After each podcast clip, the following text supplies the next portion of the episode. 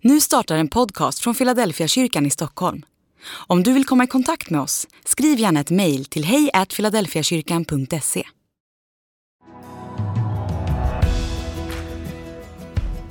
Glad midsommar och varmt välkommen till dagens gudstjänst. Idag går vi in i det vi kallar Sommar i Philadelphia och vi hoppas att du vill vara med och dela sommaren med oss, våra inspelningar och framför allt våra gudstjänster. Vi står just nu på vår församlingsgård Drakudden och här kommer vi att spela in och fira våra gudstjänster i sommar. Idag ska vi få be och lovsjunga tillsammans och vi ska få lyssna till predikan av Frida Igefjord under rubriken Spelar det verkligen någon roll vad jag säger? Vart firar du dagens gudstjänst ifrån? Skriv gärna det här i chatten bredvid. Nu firar vi gudstjänst tillsammans.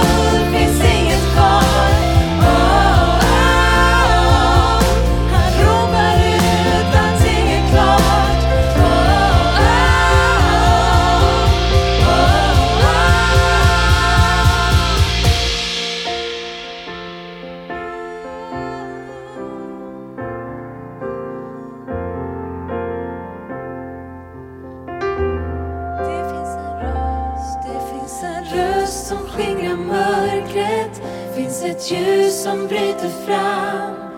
Finns en sanning som befriar. Han är den som övervann. Det finns en röst som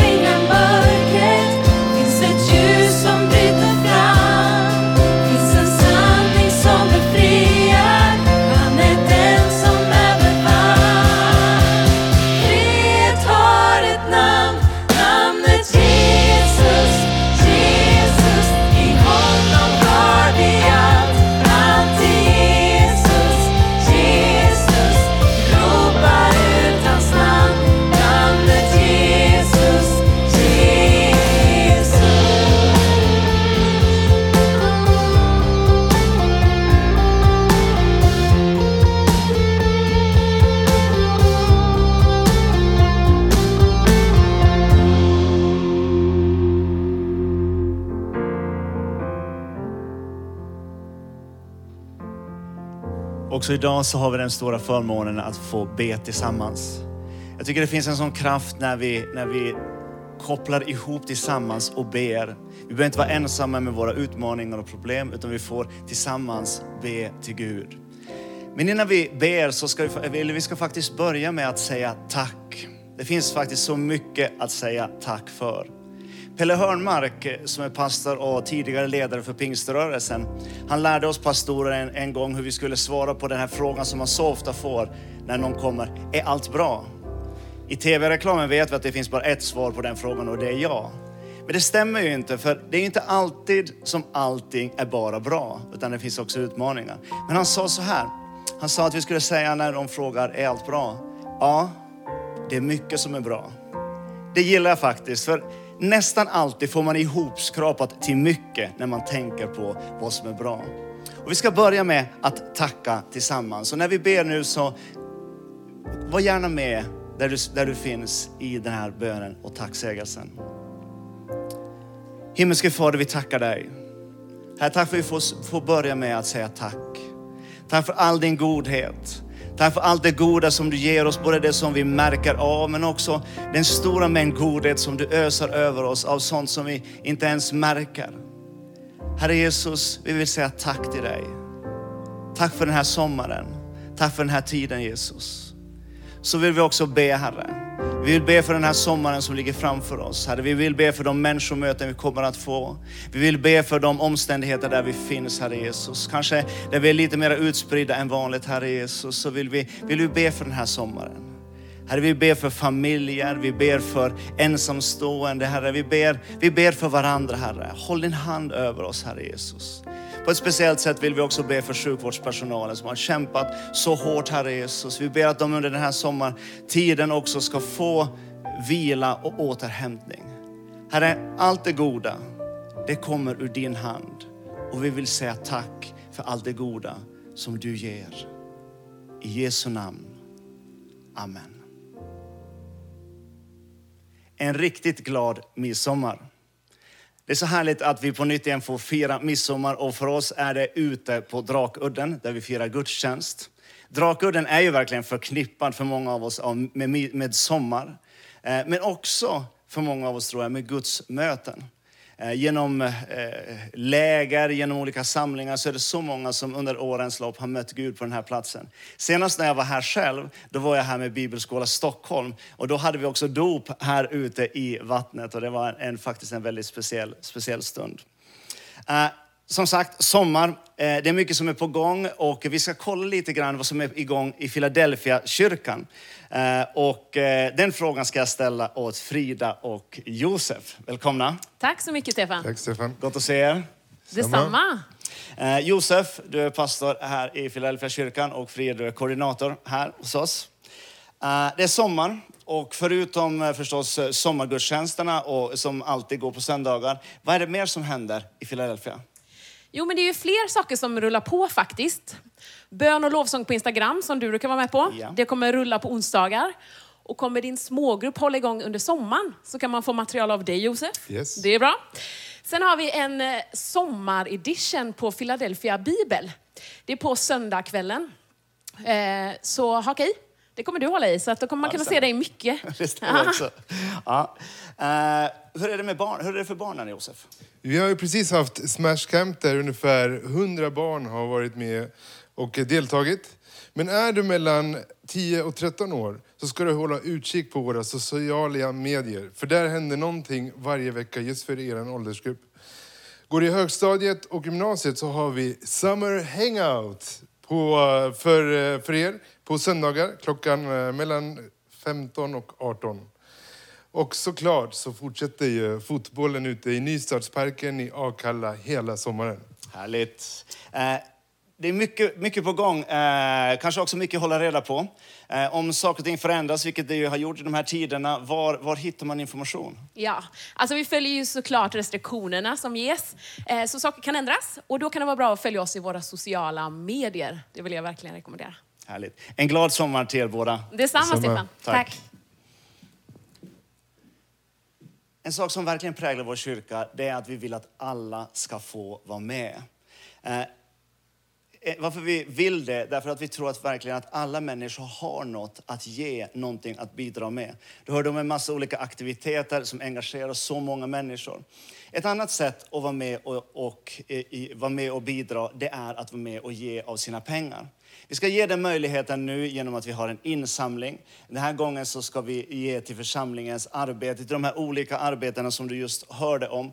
Eh, och våra gåvor, våra pengar möjliggör för oss att nå så många människor i så många olika livssituationer. Så jag uppmuntrar dig att vara med och ge den här, i, den, i den här insamlingen. Du kan göra det genom Swish eller genom bankgiro som du ser här i chatten och i, i, i rutan. Så får du vara med och på det här sättet vara med och bidra till att vi kan nå ännu längre.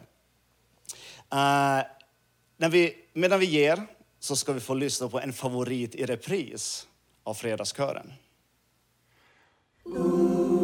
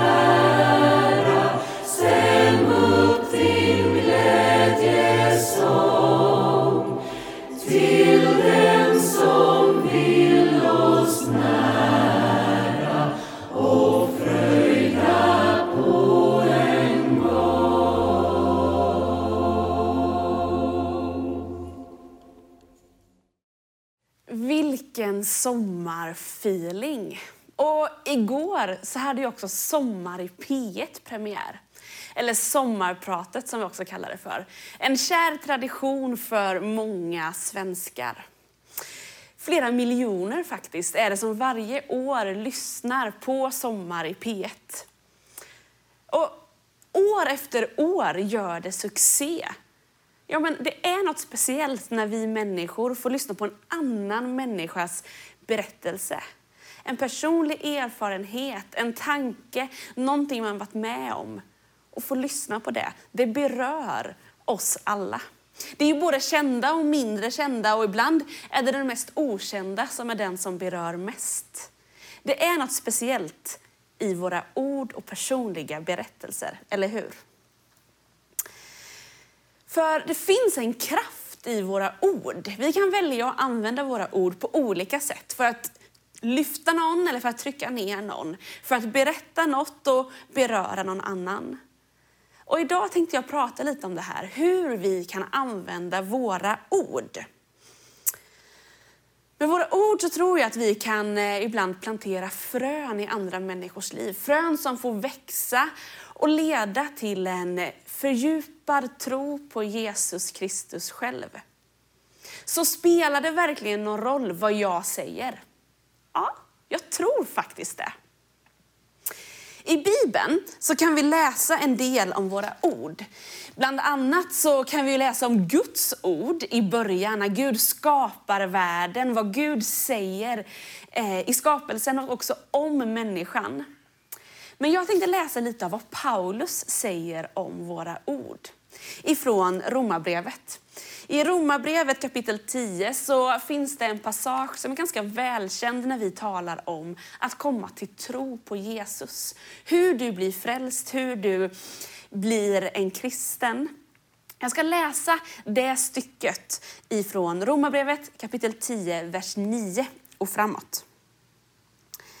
Om du med din mun bekänner att Jesus är Herre och i ditt hjärta tror att Gud har uppväckt honom från de döda ska du bli räddad.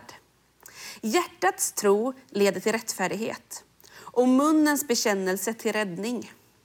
Skriften säger ju, ingen som tror på honom ska stå där med skam. Det är ingen skillnad på jude och grek. Alla har samma Herre. Och han ger av sin rikedom åt alla som åkallar honom. Ty var och en som åkallar Herrens namn ska bli räddad. Här skriver Paulus att det är med dina egna ord, när du formulerar den tro som har väckts i ditt hjärta, som du också blir frälst. Du får vända ditt liv emot Jesus. Och det där ger vi möjlighet till i alla våra gudstjänster. Att få formulera sitt eget ja på ett ja till Jesus. Och det händer någonting när vi gör det. Gud själv griper in och räddar oss var och en.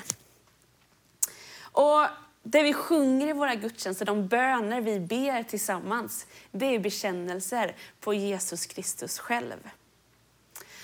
Men om vi fortsätter att läsa versen efter så fortsätter Paulus att tala om våra ord.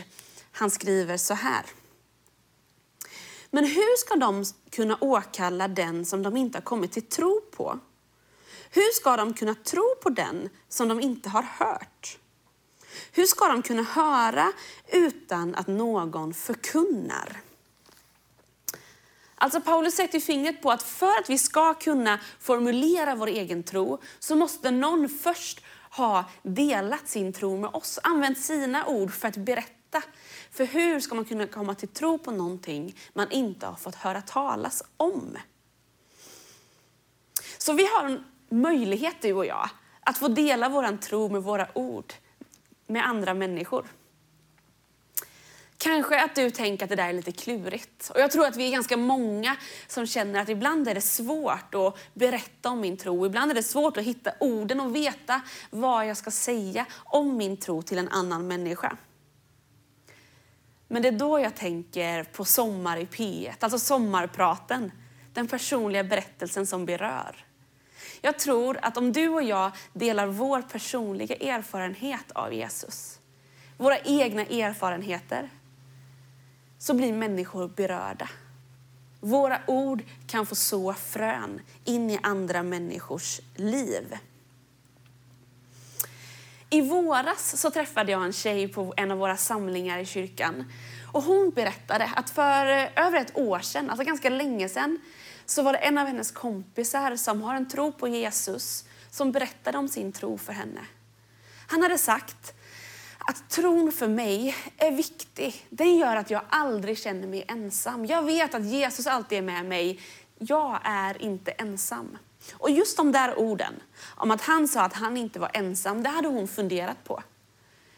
Och det ledde till att hon sökte upp vår kyrka. Hon gick in på en av våra webbgudstjänster och för första gången gick på en gudstjänst. För att hennes kompis hade delat något personligt ifrån sitt liv. Och hon kände att det där, det vill jag också ha. Det där tänker jag stryker under, precis det jag vill säga till dig idag. Att det behöver inte vara så där supersvårt. Utan det kan bara få vara personligt. Men då kan man fundera på om man kanske kan förbereda sig för det här på något sätt. Ja, Paulus skriver i Kolosserbrevet eh, något annat som hänger ihop med det här. Och det är i Kolosserbrevet kapitel 4 och vers 5 och 6. Där står det så här. Visa klokhet i umgänget med de utomstående och ta väl vara på tiden. Lägg alltid era ord väl och ge dem sälta. Ni måste veta hur ni ska svara var och en. Alltså Paulus uppmuntrar dem till att vara väl förberedda. När människor kommer till dig och ställer en fråga om, om kristen tro, om Jesus, var förberedd. Tänk efter vilka ord du vill använda. Så eh, vilka ord skulle du använda om någon frågar dig om Jesus? Hur kom du till tro? Under vilka tider i livet är det tron som har burit dig? Vem är Jesus för dig? Jag tror att vi ibland behöver fundera på det där. För vår egen skull, men också för andras skull. Vilka ord är det jag skulle använda? Kanske ta och skriva ner ditt vittnesbörd. Skriv ner några ord om hur var det när du tog ditt beslut. Vilka bönesvar har du fått i ditt liv som du kan få berätta om för en kollega eller för en granne eller någon annan som du möter? Det är inte bara bra för dem du möter utan också för dig själv, för din egna tro. Att formulera den. För när vi formulerar och ska skriva ner det där, det gör att vi reflekterar och får en ny förståelse, en fördjupad förståelse för vem Jesus faktiskt är för mig. Sen skulle jag vilja säga till dig som är förälder eller du som har barnbarn, syskonbarn eller andra barn runt omkring dig. Tänk också på att du kan få tillsammans med dina barn få sätta ord på din tro, visa dem vem Jesus är. Du som förälder kan få vara en bro till tro för ditt barn. Berätta om viktiga erfarenheter med Jesus i ditt liv. Berätta om bönesvar. Berätta om hur det var när du var barn, när du kom till tro. Och formulera det där också tillsammans med dina barn. Låt dem berätta om vem Jesus är för dem. För eh, det är ju så att när vi tillsammans med varandra formulerar så går vi djupare. Jag tänker på smågrupperna som vi har i vår kyrka. Vi önskar att smågrupperna ska få vara ett sammanhang där du tillsammans får reflektera med andra läsa Bibeln, be tillsammans men också fundera och reflektera för att kunna hitta orden för vad din tro betyder för dig, vem Jesus är för dig. Men ibland så kan vi uppleva att jag har inte alla svaren. Och jag skulle säga att det är helt okej okay att säga att jag vet inte ifall en kollega ställer en fråga som du inte känner att du kan svara på. Men kanske att du ska ta den här sommaren som ligger framför till att faktiskt fördjupa dig. Leta reda på en bra bok eller en podcast som ger dig god undervisning. Det finns många olika apologetiska resurser, alltså böcker och poddar som hjälper dig att sätta ord på och förklara den kristna tron. Du kanske ska ta den här sommaren till att få fördjupa dig i just det. För jag tänker att uppmaningen som Paulus skriver i Kolosserbrevet om att tänka igenom vilka ord vi använder, hur vi skulle förklara för en, en som inte känner Jesus, vem Jesus är för mig. Den uppmaningen gäller dig och mig idag. Orden är alltså viktiga. Både för min relation till Jesus, när jag bekänner honom som Herre i mitt liv, men också när jag berättar om min tro för andra människor. Sommaren ligger framför Jag vet inte vad du har för planer. Kommer ni vara på landstället med familjen? Ska ni åka på en roadtrip i bilen? Du kanske kliver in på ditt sommarjobb imorgon för den här sommaren. Jag skulle vilja uppmuntra dig att ta tillvara på tillfällena som du får den här sommaren. Tillfällen att, att sätta ord på din tro tillsammans med andra troende, men också ta tillfället i akt. Att kanske på ditt sommarjobb eller där du finns på campingen också sätta ord på vem Jesus är för dig. För att ett frö ska få sås i en annan människas hjärta. Så eh, spelar det verkligen någon roll vad jag säger? Spelar det verkligen någon roll vad du säger? Vad du använder ditt, dina ord till? Ja, jag skulle säga det.